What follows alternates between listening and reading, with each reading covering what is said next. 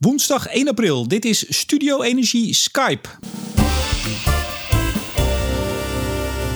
De productie van groen gas in ons land groeit niet snel genoeg. Zo blijkt uit de groen gasbrief die minister Wiebes afgelopen maandag naar de Tweede Kamer heeft gestuurd. Nieuwe stimuleringsinstrumenten zijn nodig, zo blijkt. Ik ga erover praten met Jork Giegler, directeur van TKI Nieuw Gas. Goedemorgen Jork. Goedemorgen. Minister Wiebes schrijft dat groen gas heel erg belangrijk is, dat de groei nu onvoldoende is en dat aanvullende overheidsinzet noodzakelijk is. Dat klinkt altijd prachtig, hè? Is dat nou goed of slecht nieuws voor de groen gassector?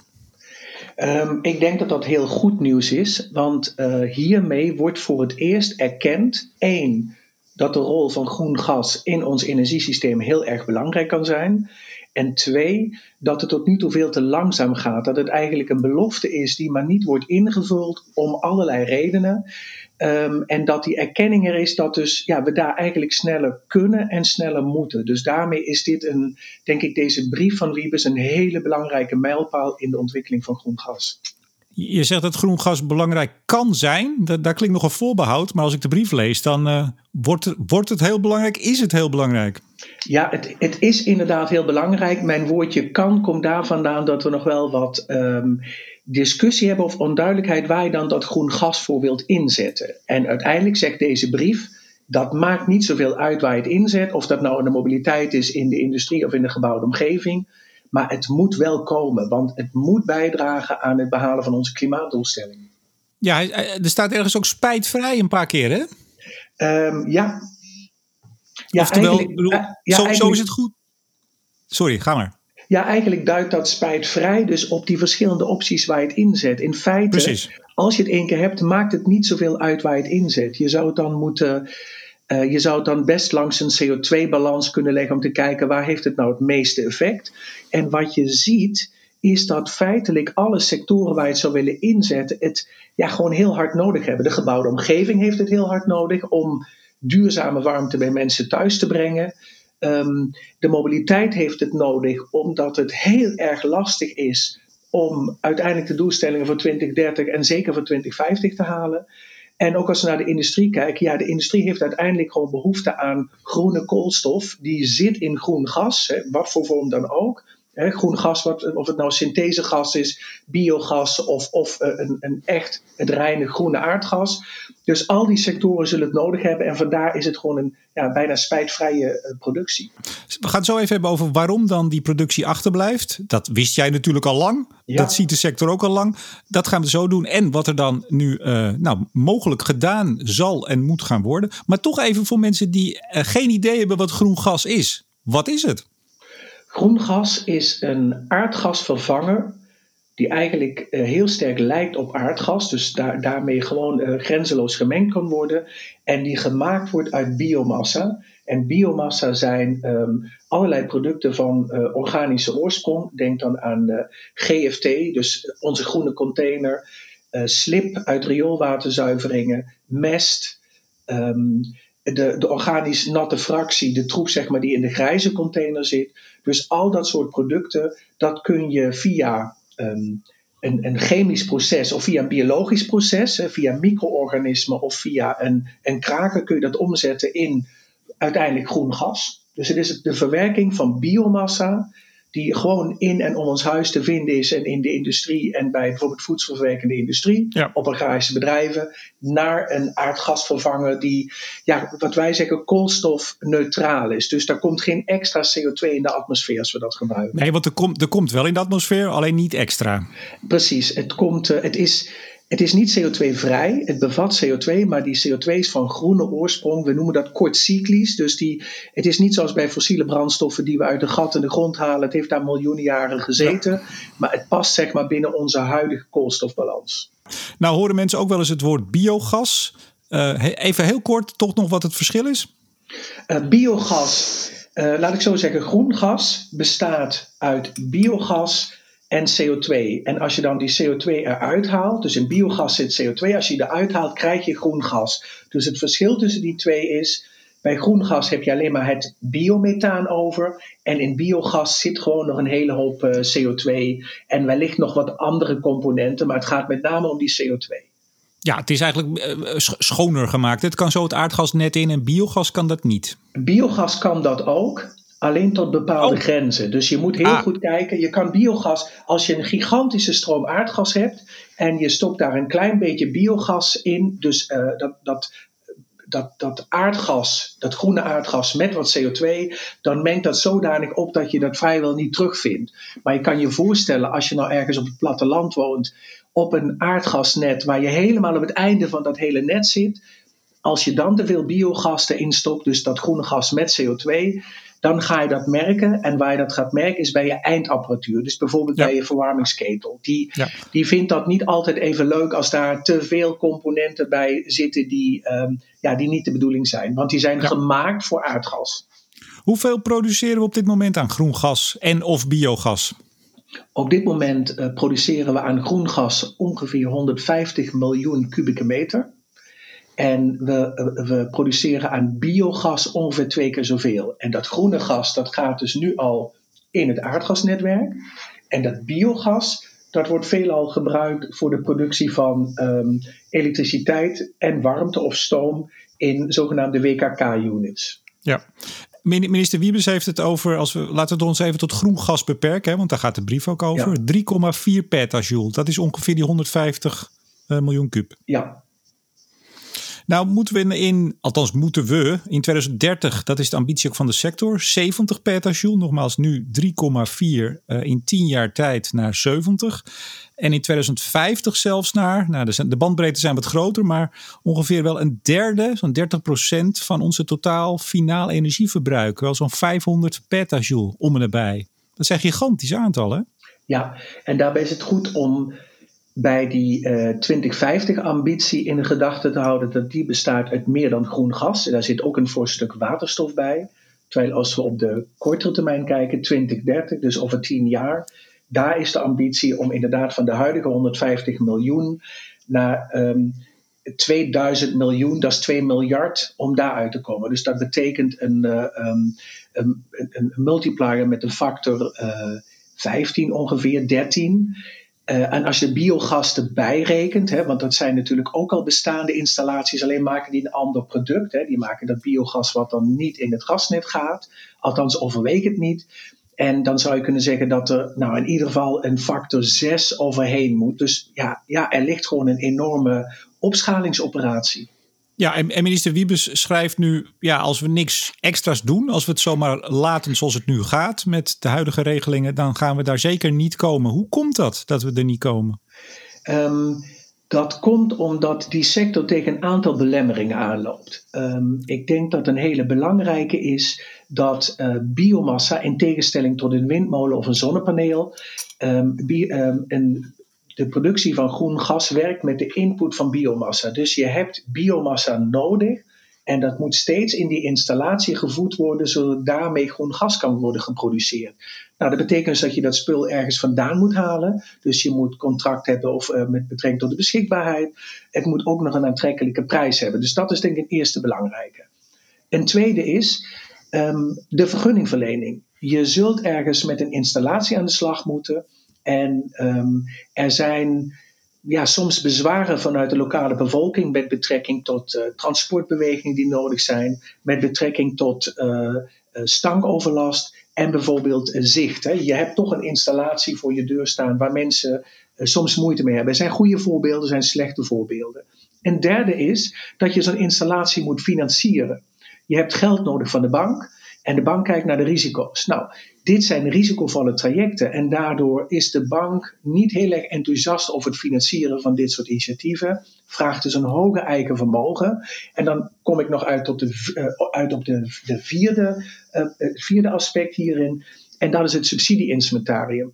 Groen gas is duurder dan aardgas en zonder subsidie kun je het gewoon niet produceren. Dan kan het maar goed, daar, daar, hebben we dan de, de, de SDE voor. Daar hebben we de SDE Plus voor, ja. SD Plus, ja. Ik noem hem altijd maar SDE, want we krijgen straks de Plus Plus. In ieder geval, we hebben het nu nog over de SDE Plus. Dat wordt de Plus Plus. Nou zegt minister Wiebes ook dat hij gaat onderzoeken um, waarom dat eigenlijk toch onvoldoende werkt, de SDE Plus, hè, tot nu toe, voor groen gas. Ja. Uh, ik kan me zo voorstellen dat, dat jij er al een idee van hebt waarom dat niet werkt. Ja, we hebben natuurlijk uh, een, een, uh, een globaal idee. En dat idee is dat we nu zien dat die vergoedingen binnen de SD Plus, dat die en vaak veranderen. Die veranderen van jaar op jaar. Dus daar gaat geen lange termijn stabiliteit van uit. En we zien ook dat de SDE Plus werkt of de SDE werkt met verschillende categorieën aan vergoedingen. En dat betekent dat als jij meer SDE nodig hebt voor dit soort initiatieven, dat dan dat wat overblijft in die SDE-pot steeds kleiner wordt. En soms is zo'n pot al helemaal leeggevist, bijvoorbeeld door wind- en door zonprojecten, die per geproduceerde hoeveelheid energie goedkoper zijn, waardoor er niet veel overblijft voor SDE. Dus ja, maar daar, daar, was toch het mooie idee van de hele SDE dat uh, categorieën en, en, en bronnen en energiesoorten uh, met elkaar strijden. En wie het minst subsidie nodig heeft, die krijgt hem. Nou, blijkbaar vallen jullie dan buiten de boot. Ja, dat klopt. Dat is zeg maar de filosofie achter de SD. En wat dan van belang is om te kijken, wat produceer je dan? Als je elektriciteit produceert, dan moet je, naar mijn idee, concurreren met zon en met wind. Dat is een hele terechte strijd en mogen de beste winnen. Alleen bij de groen gasproductie concurreer je niet met elektriciteit, omdat je op markten richt, op toepassingen, waar je juist een molecuul, een gasvormige energiedrager nodig hebt vanwege de aard van de toepassing. Bijvoorbeeld de um, woningen um, in historische stadskernen, waar bijvoorbeeld geen warmtenet ligt. Als je die wilt verduurzamen, is dat met elektriciteit heel erg lastig, omdat de vraag per woning te hoog is en bijvoorbeeld de netten moeten worden verzwaard. Dus een, een warmtepomp is daar niet de meest interessante oplossing. En dan wil je dus toe naar een gasvormige oplossing. Dus dat is eigenlijk een andere oplossing die helpt om te verduurzamen, maar die scheer je momenteel wel allemaal over één kam. Ja, en dat, dat, daar wil de minister dus verandering in brengen. Hij praat ook over misschien een aparte subsidieregeling. Ja, ja daar is daar wordt inderdaad melding van gemaakt dat je misschien wel een knip moet zetten in die SDE. En misschien moet je dan wel een deel van dat budget moet je eruit halen en zeggen: dit is nou wat we gebruiken voor de productie van groen gas. Vanwege de noodzaak in specifieke sectoren om daar een molecuul in plaats van een elektron uh, toe te passen. Dus ik kan in die gedachte heel erg meegaan. En ik denk dat dat ook de sector zal gaan helpen. Maar daarbovenop zal er ook enige ja, lange termijn zekerheid moeten zijn en niet jaarlijks variërende bedragen. Want een van de problemen waar de sector nu ook tegenaan loopt, is dat um, de bedragen eigenlijk zodanig geënt zijn nu, dat als er ook maar iets misgaat in een installatie, dan zit je al heel gauw niet meer uh, in de zwarte cijfers, maar schrijf je rode cijfers. Dus ja. juist omdat je met die biomassa, met dat wat lastige materiaal bezig bent, ik denk dat we dat moeten erkennen, dat het een, het is complexe business en dat betekent dat um, starre instrumenten daar gewoon wat minder goed op werken. Dus daar is gewoon enige, ja, enige ruimte in noodzakelijk, willen we dit tot een succes maken. Ja, nou hebben we tot nu toe eigenlijk vooral van vergisting halen we ons uh, groen gas. Uh, zo'n 250 vergisters staan er in Nederland op zo'n 100 plekken. Uh, vergassing, dat is een andere tak van sport. Die staat nu nog in de kinderschoenen. En als ik de brief goed lees, zegt minister Wiebes eigenlijk ook van ja, SDE is daar nu niet geschikt voor. Ze vallen eigenlijk buiten de boot. Hè. Ze zijn al iets verder dan echt experiment. Maar ze vallen uit de boot als het gaat over echt exploitatie. Want zo ver zijn ze nog niet. Ja, het zijn innovatieve technologieën die zullen zich moeten bewijzen. En dat betekent dat uh, als die technologieën nu zeg maar een schaalstap willen maken en uiteindelijk op, uh, op een, in, een grotere, in een groter project groen gas willen produceren, dus met die nieuwe technologieën, ja, dan zullen ze moeten concurreren met reeds bestaande technologieën. En ze zullen wat dat betreft op dit moment altijd nog duurder zijn en ze hebben perspectief op kostprijsreductie, dus dat het straks goedkoper kan. Ja, en die ruimte om op grotere schaal um, eigenlijk te proberen, te demonstreren, die moet je wel geven aan dit soort projecten. Anders komen ze niet van de grond. En nu zien we dus dat ze steeds buiten de boot vallen, omdat ze dan ja, nog duurder zijn dan de bestaande technologie. En die technologieën die kunnen prima naast elkaar bestaan, maar er is wel een zetje nodig. Maar als we het echt hebben over die uh, een paar honderd petajoule, kijken we dan toch niet vooral naar vergassingstechnologieën en, en minder naar vergisting? Ik denk dat het en-en is, dat we beide nodig hebben. Dus zowel vergisten, daar zijn we al mee bezig en dat zullen we verder moeten en kunnen uitbreiden. Die potentie ligt er wel. En we moeten tegelijkertijd kijken naar welke technologieën kunnen we nou inzetten die het uitzicht hebben op een veel meer grootschalige aanpak. Hè, dus bijna een industriële aanpak. Waarbij we ja, biomassa gaan verwerken onder, ja, laten we zeggen, echt, echt industriële condities en daarmee groen gas maken voor grotere markten of bijvoorbeeld voor um, injectie in het, in het, in het hoofdaardgasnet van, uh, van GasUnie of grootschalige toepassing in de industrie. Ja, die ruimte moeten we met elkaar uh, creëren. We hebben het bijvoorbeeld over SCW Systems. Hè? Uh, ja. Onlangs nog bij, uh, bij Stuur Energie een award gekregen van ons. Jawel. Ja. Uh, die op het randje zitten hè, van, nou, ze hebben al ingevoerd in het hoogdruknet in een test. precies op die overgang van echt grootschalig. Ja, ik denk dat de SCW Systems en met superkritische watervergassing. Er zijn nog een aantal initiatieven in Nederland op dit terrein, op deze technologie. Ja, dat is een mooi voorbeeld ervan. En een ander is het meer thermisch vergassen. Want superkritisch watervergassen doe je onder hoge druk en temperatuur. Laten we zeggen, orde grootte 200, 300 bar en bij eh, 350 graden. Je kunt ook thermisch vergassen. Dat doe je dan bij 800.000 of nog meer graden. En dan ben je als het ware de biomassa aan het kraken. Uh, net zoals je ook olie uh, kraakt. En um, ook die technologie staat eigenlijk op het punt om door te breken. Die technologie die is er al voor de productie van uh, elektriciteit en warmte.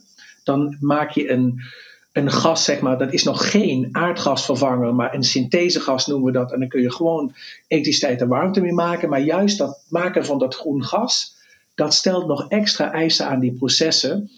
Ja, en, en die hebben dus dat zetje nodig om echt mee te doen in het grote spel en ons te helpen om met grotere stappen richting die 2 BCM-ambitie in 2030 te gaan.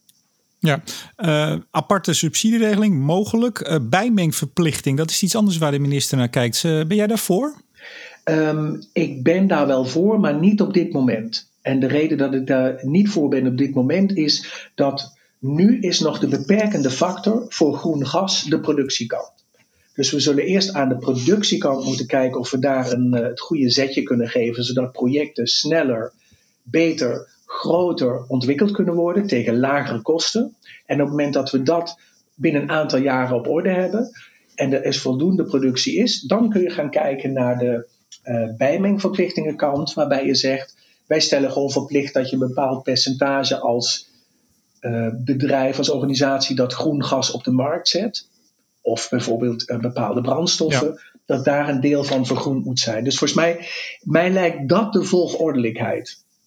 Maar, maar stel nou dat, want op zich is het uh, een logisch, hè? als je iets gaat verplichten, dan worden er ineens allerlei hobbels genomen die nu niet lukken, want partijen moeten het doen. Maar ik begrijp dus dat je zegt van ja, dat gaat nu gewoon niet werken. Daar zijn we dus echt veel, dat zou veel te vroeg zijn dus. Ik denk dat dat nu inderdaad veel te vroeg is. Dus ik zou zeggen, investeer eerst in het mogelijk maken van die opschaling. En ga dan kijken binnen een aantal jaren, laten we zeggen drie tot vijf jaar, of dan het goede moment is om een bijmengverplichting uh, toe te passen. Ja, en dan heeft de minister ook nog over een gedifferentieerd belastingtarief. Dus dat groen gas bijvoorbeeld fiscaal aantrekkelijker wordt dan grijs gas. Nou, dat is denk ik een, een no-brainer, of niet? Exact, exact. Dat is dezelfde woorden die ik ook zou gebruiken. Dit is een no-brainer.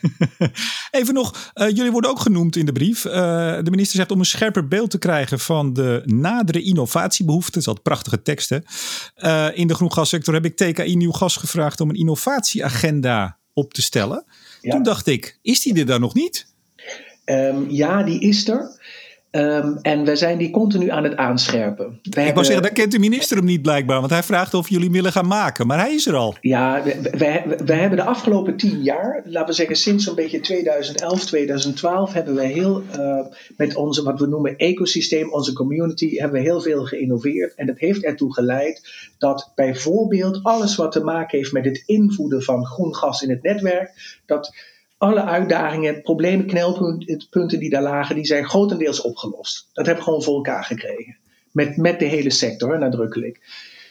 Nu staan we voor het punt dat we naar die opschalingsopgave kijken. Voor de eerste keer eigenlijk um, met, het klimaatakkoord en met deze brief is er nu een ambitie neergezet en die erkenning dat groen gas actief kan bijdragen. Dus dat is logisch dat er naar ons wordt gekeken en wordt gevraagd van joh, als we dan zulke stappen willen maken, wat is dan nodig? Nou, wij hebben dus gezegd, wij zijn momenteel uh, die, die innovatieagenda aan het maken. En daarin uh, hebben we onder andere al gezegd, je moet dus die schaalstappen mogelijk maken en gericht innoveren op een aantal technologieën. En zorgen dat die echt die, ja, kunnen opschalen. Dus zorg dat daar de budgettaire ruimte voor komt. En ook in je prioritering, zorg dat alle middelen daar dan naartoe gaan, zodat we zo snel mogelijk die grote stappen kunnen zetten. Anders gaat het gewoon te lang duren en halen we die ambitie niet. Ook heel belangrijk, en jij noemt het net het ecosysteem of de community.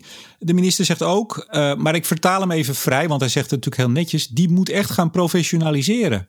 Ik, ik zag er bijna een, een, een beetje een wanhoopskreet van jongens, alsjeblieft. Want er zijn ook vier organisaties. Uh, het is nog allemaal heel klein. Uh, ook de, de producenten zelf. Hè. Het is vaak een bijzaak nu, mestvergisting voor een producent. Alsjeblieft, ga professionaliseren. Las ik het zo goed? Um, ja, ik denk dat jouw vertaling uh, een hele goede is. Wat we namelijk zien is dat er heel veel projecten zijn. Hè. Je, je, hebt het zelf al genoemd, er zijn uh, een, stuk of honderd uh, locaties waar projecten in uitvoering zijn. En ehm, zeker als dat op een boerenbedrijf gebeurt, dan um, is dat een nevenactiviteit voor zo'n boerenbedrijf. En men ziet ook steeds meer van, nou ja, het is een nevenactiviteit, maar hij vergt wel de volle aandacht om zijn installatie goed te laten draaien. Dus dat besef is wel in de afgelopen jaren gekomen. Alleen als je dan gezamenlijk wilt optreden, um, is daar geen belang voor bij de individuele boerenbedrijf of de individuele initiatiefnemer. Dus je wilt uiteindelijk veel meer toe naar een collectief die met elkaar zegt: wij willen meerdere installaties gaan ontwikkelen. Bijvoorbeeld omdat er grotere bedrijven achter zitten, die dan um, met elkaar ook veel actiever gaan inzetten op wat leren we nou hiervan? Uh, qua technologie, qua het bedrijven van de installatie, maar ook wat betreft het draagvlak van omwonenden. Hoe pak ik dit nou optimaal aan, zodat we samen verder komen? De lobby richting beleid en richting Tweede Kamer. Dat daar, daarbij een veel meer gezamenlijk geluid gehoord wordt. En ook de, laten we zeggen, de maatschappij, de politiek, het beleid, de vertrouwen in krijgt dat deze sector dit gaat doen. En we hebben maar gaat, de, gaat, de sector, gaat de sector dat inderdaad doen? Want ik, ik las dat ja, er wordt geloof ik wel gekeken naar samenwerking tussen die vier. Maar hier moet toch gewoon vrij snel één, eh, één club komen? Ja, dat denk ik ook. En ik weet dat de sector met elkaar in gesprek is, dat dit nadrukkelijk bij hun op de agenda staat en dat ze ook pogingen doen om dit bij elkaar te brengen. Dus die sector is hier echt wel welwillend in. We zijn al aan de 22 minuten, zie ik. Ik wou eigenlijk nog over. Er is ook een brief over groene waterstof gegaan. Daar moeten we het daar maar een andere keer over hebben. Maar daar komt ook een potje geld voor, hè? Ja. Ja, dat moet wel. Absoluut. Ook een heel belangrijke optie. Praat ik graag een keer een beetje over door. Oké, jij moet waarschijnlijk weer terug naar een call. Want ik begreep van jou dat jou, jou, jij jouw call die om half tien uh, ging beginnen tot 12 uur, heb je speciaal onderbroken om de luisteraars even te woord te staan. Met alle plezier, Remco.